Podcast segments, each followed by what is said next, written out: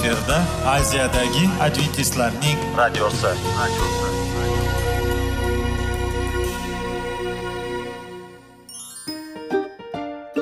Assalomu alaykum radio tinglovchimiz. Dasturimizga xush kelibsiz va bizni tinglayotganingizga sizdan judayam minnatdormiz.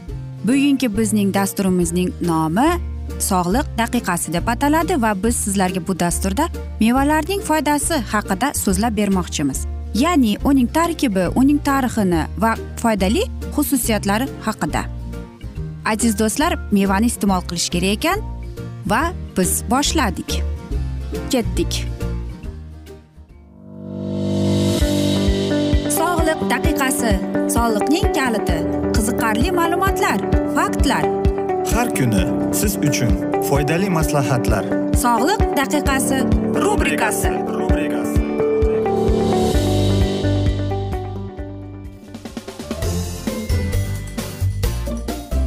assalomu alaykum aziz radio tinglovchilar. Dasturimizga xush kelibsiz va biz sizlar bilan tana va sog'liq degan dasturda xush vaqt bo'ling deb aytamiz. Va bugungi bizning dasturimizning mavzusi quloqlarni parvarishlash deb nomlanadi. Albatta aytingchi siz qachon bir ahamiyat berganmisiz birovlarning quloqlariga yoki o'zingizning qulog'ingizga ahamiyat berganmisiz? Ular tozami yoki kirmi deb? Albatta taxminan qilib aytishim mumkinki hech kim hech qachon bu narsaga ahamiyat bermagan. Va albatta biz aytamizki axir bu hech narsaga umuman daxli yo'q yoki hech kim bunga e'tibor bermaydi deb.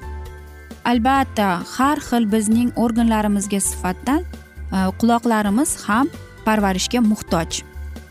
Va o'ylaymanki bizning ishimiz quloqlarimizni doimo pokiza tutishdir. Ammo lekin afsuski ba'zi bir odamlar bu narsalarni noto'g'ri qilib keladi va eng katta xatolikki parvarish qilishda quloqlarda bu albatta har xil quloq tozalagichlar bilan. Bu albatta ular bu narsaga umuman kerak emas. Ko'plab odamlar aytaylik mana shunday quloq tozalagichlarga yoki gugurt cho'piga paxtani aytaylik baylab turib tozalashadi yoki ingliz e, mana shu tugmachasi yoki qalamlar yoki ruchkalar va hokazo narsalar bilan qulog'ini e, chuqurlashga davom e, qiladi. Lekin bu eng bu judayam xavfli. Bu mana shu narsalar bilan biz aytmoqchimizki siz o'zingizning qulog'ingiz pardasini teshib qo'yishingiz mumkin yoki undan ham siz umuman eshitmay qolishingiz ham mumkin. Biz yuqorida aytib o'tgan narsalar bu quloqlarni tozalash usullari emas. Qanday qilib biz quloqlarni tozalashimiz mumkin? Va qanday qilib biz o'zimizni kasallardan ehtiyot qilishimiz mumkin deymiz. Albatta bugungi dasturimizda biz sizlarga mana shu haqida aytib beramiz. Agar bizning dasturimiz sizlarga qiziq bo'lsa unda bizni tinglashda davom ettiring. Albatta biz hammamiz ham shapka kiyishni yoqtirmaymiz to'g'rimi? Lekin biz o'ylaymizki biz shapka kiysak bizning tuzilishimiz o'zgarib qoladi. Yoki ayollarimiz aytadiki mening soch turmagim buzilib qoladi deb. Yo'q. Shuni unutmaslik kerakki shapkalar bizni sovuqdan va shamoldan himoya qiladi va bu eng muhim narsadir. Sovuq va ayniqsa shamolli kunlarda biz quloqlarimizni himoya qilishimiz kerak.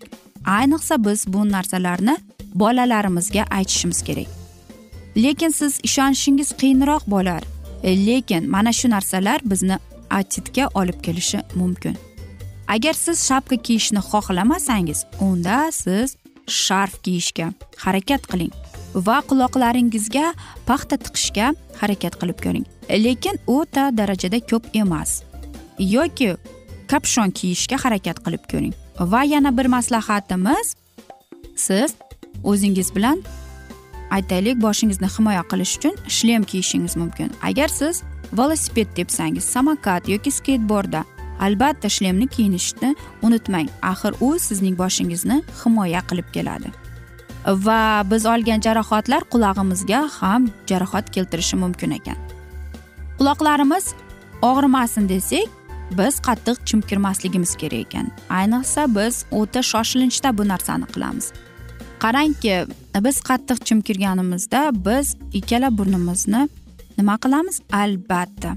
Biz ularni qo'limiz bilan yopib turamiz. Va mana shu asnoda bizdagi quloq burnimizdagi bo'lgan havo davleniyani oshirib quloq pardamizni teshib qo'yishi mumkin ekan. Va yana bir maslahatlarimiz bor. Siz tutundan qochishga harakat qiling. Ya'ni aytaylik kimdir oldingizda tamaki tortadi yoki o'zingiz tamaki tortsangiz unda siz tutundan qochishingiz mumkin. Chunki bu tutunlar quloq infeksiyasiga olib kelishi mumkinki hattoki siz eshitish qobiliyatini yo'qotib qolar ekansiz. Qarangki bir universitetda norvegiyada o'tkazilgan unda ikki ming besh yuz qirq to'qqiz e, bola o'tgan ekan. Ya'ni yangi tug'ilgan chaqaloqdan to o'n yashar bolagacha. Kimning ota onasi sigaret cheksa ular ko'plab infeksiyalarga moyil ekan. E, va ko'plab narsalar bu atitga.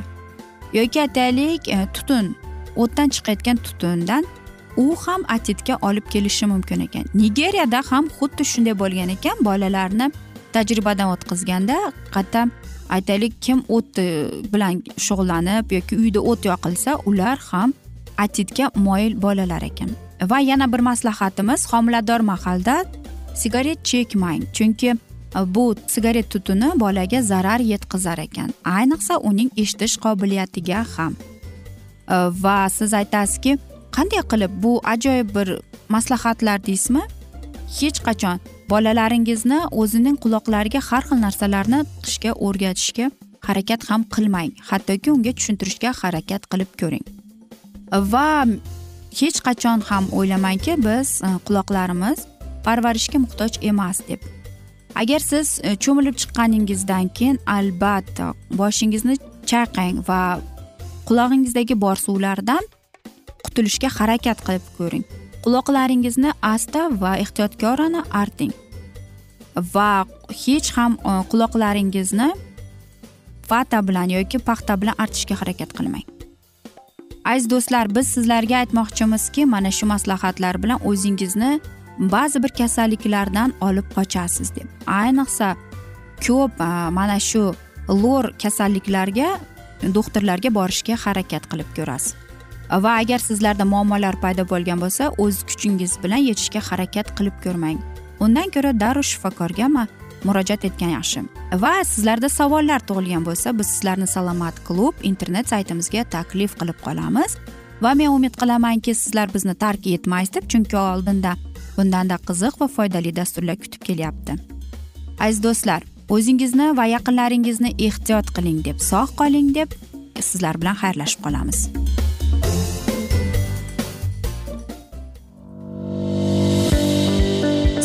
Daqiqasi soliqning kaliti qiziqarli ma'lumotlar faktlar. Har kuni siz uchun foydali maslahatlar. Sog'liq daqiqasi rubrikasi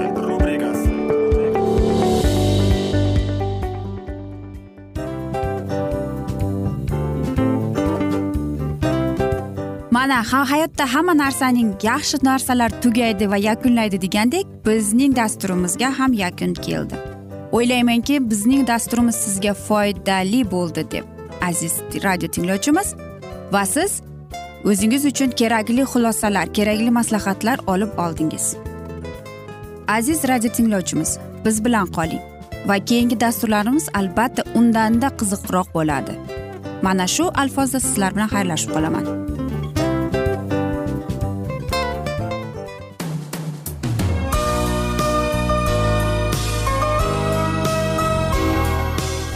Efirda aziyadagi adventistlarning radiosi.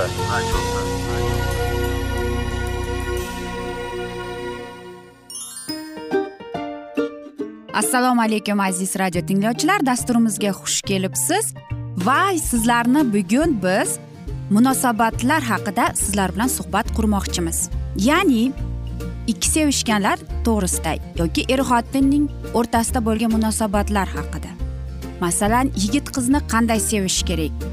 Er xotinni qanday sevish kerak? Xotin erini qanday sevish kerak? Qanday munosabatda bo'lish kerak ular bir biriga mana shunday haqida bizning mavzuyimiz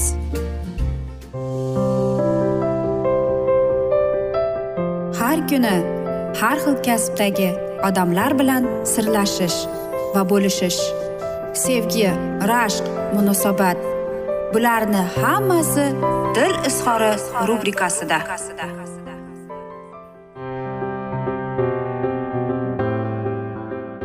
Assalomu alaykum aziz radio tinglovchilar. Dasturimizga xush kelibsiz. Va biz sizlar bilan erkaklar marsdan ayollar venera degan dasturda boshlagan edik. Va bugungi bizning dasturimizning mavzusi erkak kishi ayolning zarurligiga muhtoj bo'lganda deganday albatta ko'plab mana shunday tortishuvlar nimadan kelib chiqadi? Chunki ikki inson bir biri bilan norozi. Aytaylik erkak kishi bir narsani his qilyapti. Ya'ni nimani? Ayol kishi u bilan uning fikrini bo'lishmayapti. Yoki ayol kishi erkakning fikri bilan bo'lishmayapti. Va ko'plab e, munosabatlarda esa ayollar o'zining noroziligini ko'rsatib keladi. E, va u mana shunday asnoda nimaga? Chunki ayollar o'ylaydiki erkak kishi mening fikrimga umuman hurmat qilmaydi deb.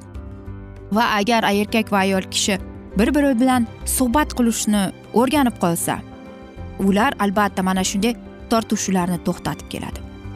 Va ular bir narsani o'rganadiki ular tinch va totuvlikda o'zlarining mana shunday muammolarini hal qilishga va yechim topishiga o'ylab topishadi. Albatta Э, erkak kishi ayolini xafa qilganda u doim shunday o'ylaydi. Men ayolimni xafa qilib qo'ydim deb. Yoki aytaylik erkak kishi unutib qoldi. Э, sizga ketayotib bir narsani aytib ya'ni siz aytdingiz kechqurun kelayotib non olib kelgin va u unutib yubordi deb. Va albatta ayol kishi tushunmaydi nahotki bu shunchalik qiyin deb. Va mana shu asnoda esa ayol kishi bir narsani unutmaslik kerakki aynan mana shu mahalda u bizning sevgimizga muhtoj bo'lar ekan. Ya'ni biz uni qo'llab quvvatlamasak ma'qullamasak va bu narsa ularga judayam azob berar ekan. Va ayol kishi esa bu narsani tushunmaydi va o'ylaydiki balkim o'ylaydi erkak kishi faqatgina umidsizlikni his qiladi deb lekin yana nimani his qiladi? Sovuqlikni va sevgi yo'qlikni.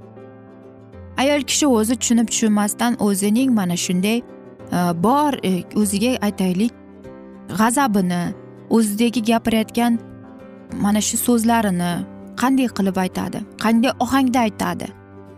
Aytaylik siz mana shu bir so'zni e, mayin ovozda aytasizmi? Yoki aytaylik siz uni baland ovozda aytasizmi? Qarang qanchalik inson mag'rur bo'lmasin erkak kishi ham xuddi shunday xafa bo'lar ekan.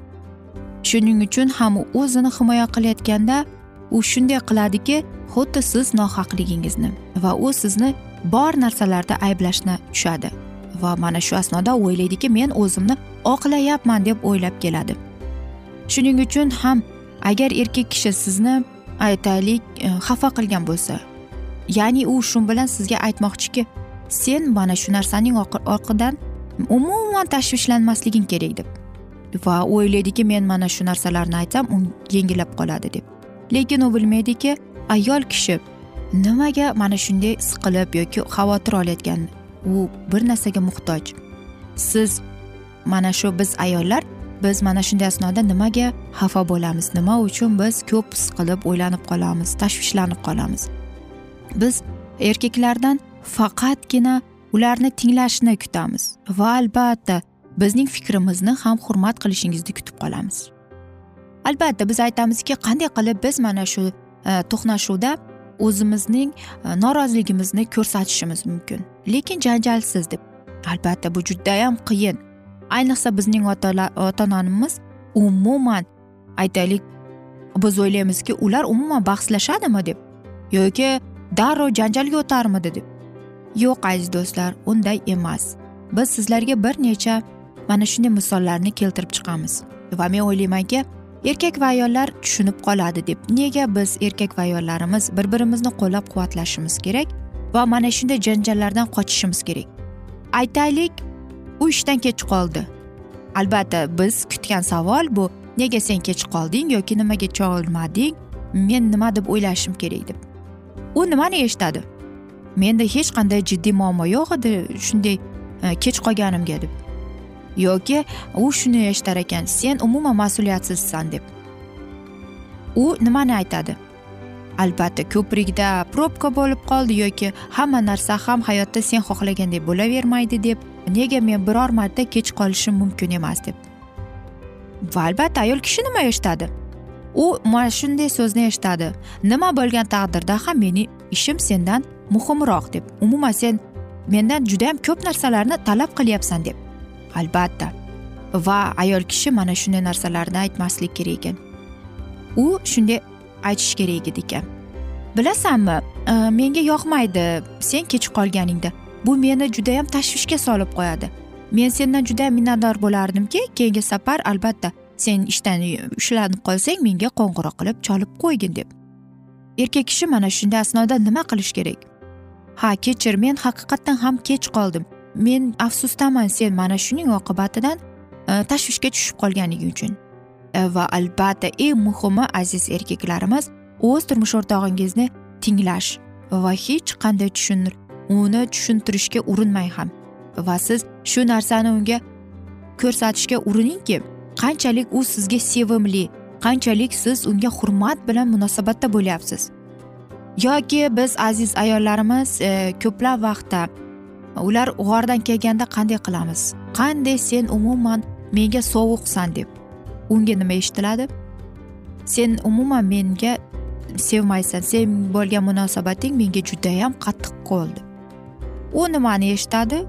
U bizga aytadi men faqatgina yolg'iz birozgina bo'lmoqchi edim xolos deb. U nimani eshitadi ayol kishi? Sen judayam injiqsan. Sen faqatgina o'zingni sevasan va doimo meni albatta qo'lqopda ushlashni yaxshi ko'rasan deb. Ayol kishi mana shu asnoda aytishi kerak edi. Ha men bilaman senga vaqti vaqti bilan mendan o'zing yolg'iz qolishing kerak. Lekin bilasanmi bu meni tashvishga solyapti deb. Va albatta erkak kishi mana shu asnoda nima deb aytishi kerak ekan? Men seni tushunaman va shuning uchun ham sendan birozgina uzoqlashaman. Faqat sen mendan xafa bo'lmagin deb. Keyin keyin gaplashib olamiz deb. Albatta aziz do'stlar mana shunday so'zlar e, hayotimizda ko'plab bo'lib keladi. Lekin biz erkak va ayollarimiz bir birimizni to'g'ri tushunib to'g'ri so'z topsakkina mana shunday katta janjallarni aytaylik e, olib qochgan bo'lar edik aziz do'stlar mana shunday asnoda afsuski biz bugungi dasturimizni yakunlab qolamiz chunki bizning dasturimizga vaqt birozgina chetlatilgani sababli. Lekin men umid qilaman sizlar bizni tark etmaysiz deb. Chunki oldinda bundanda qiziq bundanda foydali dasturlar kutib kelmoqdalar. Va albatta aziz do'stlar biz sizlarga va oilangizga tinchlik totuvlik tilab. Ha aziz do'stlar seving seviling deb omon qoling deymiz.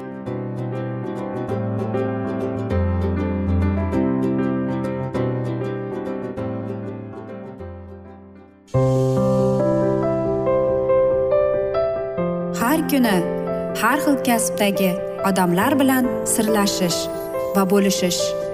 Sevgi rashq munosabat bularni hammasi dil izhori rubrikasida. Mana aziz radio tinglovchimiz bizning go'zal va foydali va chiroyli dasturimiz yakunlanib bormoqda. Sizlarga birozgina maslahat berib o'tmoqchi edik. Bir biringizni seving qadringizga yeting. Va erkalang albatta bir biringizni va sizga judayam chiroyli va mustahkam munosabatlar tilab qolamiz albatta. Sevgilingiz doimo yoningizda bo'lsin. Mana shu borada sizlar bilan xayrlashib qolamiz. Xayr.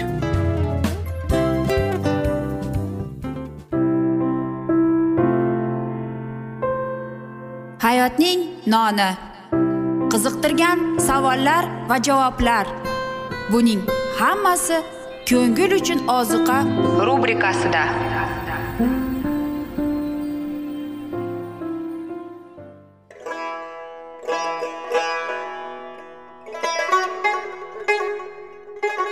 Assalomu alaykum aziz va qadrdon radio tinglovchimiz. Dasturimizga xush kelibsiz. Bizni tanlaganingizga sizdan minnatdormiz. Va keyingi bizning e, mavzuyimiz diniy masalasiga kelib chiqadi albatta hayot davomida bizni ko'plab qiziqtirgan savollar bordir. Va mana shu savollarga qayerdan javob olsam ekan deb o'ylanib chiqamiz. Yoki hayotning ma'nosi nimada deb o'ylanamiz. Mana shunday dasturlar o'ylaymanki siz sizga foyda bo'ladi deb.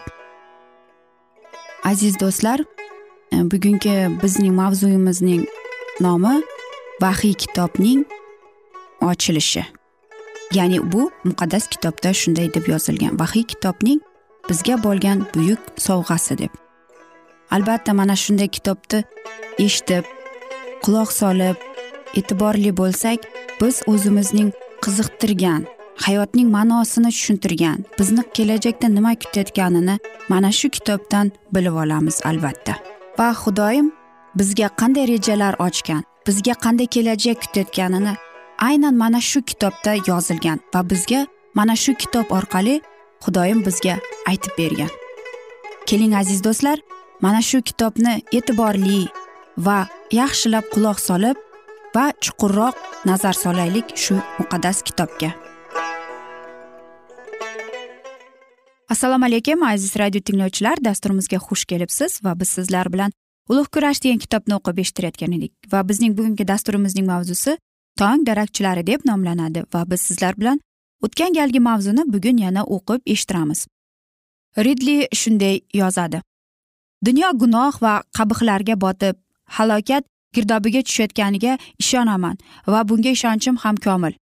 Shuning uchun xudoning xizmatkori yuhano bilan birgalikda bizning najotkorimiz iso masihga chin qalbdan murojaat qilaylik. Kel rabbimiz iso kel deb. Rabbiy kelishi haqidagi o'y fikrlar degan edi. Bakster men uchun eng quvonchli va shodina tuyg'udir. Xudo taqvodorlarning ishonchi va fe'l atrofi masihning kelishini muhabbat va shodu xuramlik bilan kutib olishda namoyon bo'ladi. Marhumlarning tirilishida so'nggi dushman o'lim yo'q qilinsa bu holat to'liq tamomila g'alaba qozolganidan keyin imoniylarni jiddiy ibodat qilishga va masihning ikkinchi bor kelishiga ehtiyoj sezishga undashi kerak. Ushbu kunning tezroq kelishini barcha imonlilar ishonch ila kutishlari darkor. Zero aynan shu kuni ularning najot topish xizmati yakun topib qalblarning barcha xohish istaklari va orzu umidlari ro'yobga chiqadi. Ey rabbiy shoshil ana shu huzur halovatli kuni tezroq yaqinlashtir. Havoriylar jamoatning shuningdek sahrodagi jamoat va islohotchilarning umid ishonchi ham shunday bo'lgan. Basharat masih kelishining nafaqat maqsadi balki u qanday amalga oshishini shuningdek odamlar uning qaytishi fursati yaqinlashib qolganini belgi va alomatlar bo'yicha bilib olishlari mumkinligini ko'rsatadi. Iso shunday deydi. Quyosh oy va yulduzlarda ajoyib alomatlar paydo bo'ladi. Dengiz shovullab jo'shib to'lqinlangan sari yer yuzidagi xalqlar esankirab mayuslikka tushadilar. Ammo o'sha kunlarda o'sha musibatdan keyin quyosh ko'tarilib oy xiralanadi. Yulduzlar osmondan tushib samoviy kuchlar larzaga keladi. U vaqt inson o'g'li bulutlar ichida buyuk qudrat va shon shuhrat bilan kelayotganini ko'radilar. Ilohotchi yuhanna isoning ikkinchi bor olamga qaytishining ilk alomatlari va belgilari quyidagicha tasvirlaydi. Buyuk zilzila yuz beradi. Quyosh xuddi qora xirqariga burkangandek qorong'ilashadi oy esa laxta qonga aylanadi. Bu alomatlar o'n birinchi asr boshlarida bo'lib bir ming yetti yuz ellik beshinchi yilni eng kuchli va dahshatli zilzilalardan biri bo'lib yuz yur bergandi. Tarixda hali bunday yer qimirlashi bo'lmagandi. Garchi u lissabon yer silkinishi nomi bilan tanilgan bo'lsada uning harakat kuchi yevropaning katta qismi afrika e, va amerikagacha yetib bordi. Zilzila shuningdek gerlandiya vest hindistonda madeyra orolida shvetsiya va norvegiyada buyuk britaniya va irlandiyada ham sezildi. Bu zilzilaning tebranish kuchi to'rt million kvadrat mil yerni egalladi. Afrikada ham yevropadagi singari yer silkinishi kuchli edi. Aljerning katta qismi vayron bo'ldi. Marokaning yaqinida yer qayri butun bir qishloqni uning sakkiz yoki o'n ming aholisi bilan yerga yutib yubordi. Ispaniya va afrika qirg'oqlariga katta to'lqin oqimi yopirilib butun shaharlarni yakson qildi va ko'plab viloyatlarni yer yuzidan oqizib ketdi. Ispaniya va portugaliyada ham nihoyatda kuchli yerni yer osti silkinishlar bo'ldi. Hikoya qilishlaricha qadisda taxminan yigirma metr balandlikda to'lqin shiddat bilan yopirildi. Portugaliyadagi eng baland tog'lar osti ham titrab lahzalarga soldi. Ba'zi bir tog' cho'qqilari yorilgandan yer qa'ri katta ochilib undan olovli vulqonlar otilib chiqibdi. Ulkan qoyalar yon atrofdagi qishloqlarning ustiga yopirilib tushibdi. Lissabonda oldiniga yer ostida juda qattiq gumburlagan ovoz eshitilib turib birdaniga kuchli silkinish shaharning katta qismini barbod qilibdi. Qandaydir olti daqiqa ichida taxminan oltmish mingga yaqin odam halok bo'ldi. Avvaliga dengiz orqaga tisarilib ko'mlik sayozliklarni yalang'ochlabdi keyin esa o'zining odatiy suv sathidan o'n olti o'n sakkiz metr balandlikda ko'tarilibdi. Lisabondagi ofatlar paytida yuz bergan hayratomuz voqealar ichida qirg'oq bo'yida toza marmardan buqat ko'targan butun bir inshoot tabiiy ofat tufayli yo'q qilib yuborilgani ta'kidlash o'tib o'tishibdi. Uni barpo qilishga qanchadan qancha mablag' sarf qilingandi sinib tushayotgan parchalardan berkinib qolish maqsadida u yerga juda ko'p odamlar to'planib olgan edilar lekin to'satdan bir lahzada inshoot dengiziga g'arq bo'ldi. O'lganlarning birortasi ham suvning betida ko'rinmadi. Yer osti silkinishi bir lahzada barcha ibodatxona va monastirlarni hamma katta katta binolarni ham turar joylarning to'rtdan birini buzib yubordi. Zilziladan keyin taxminan ikki soatlar o'tgach ba'zi bir kvartallarda yong'in boshlangan edi va uch kun davomida to'liq shaharning qo'lini ko'kka sovurgan dahshatli alanga avj oldi. Zilzila bayram kuniga to'g'ri kelib ibodatxona va monastirlar odamlar to'la bo'lgan paytda yuz berdi.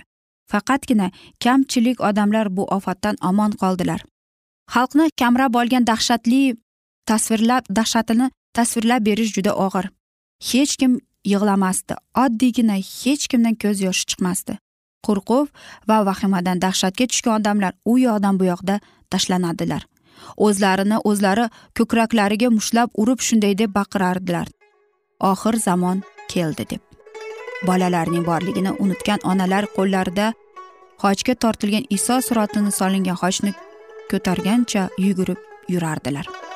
Aziz do'stlar mana shu asnoda biz bugungi mavzuyimizni yakunlab qolamiz. Afsuski keyingi dasturlarda albatta mana shu mavzuni yana davom ettiramiz. Va agar sizlarda savollar paydo bo'lgan bo'lsa biz sizlarni alkitab media internet saytimizga taklif qilib qolamiz. Va men umid qilaman bizni tark etmaysiz deb chunki oldinda bundanda qiziq va foydali dasturlar kutib kelmoqdalar. Va biz sizlarga sog' omon qoling deb xayrlashib qolamiz.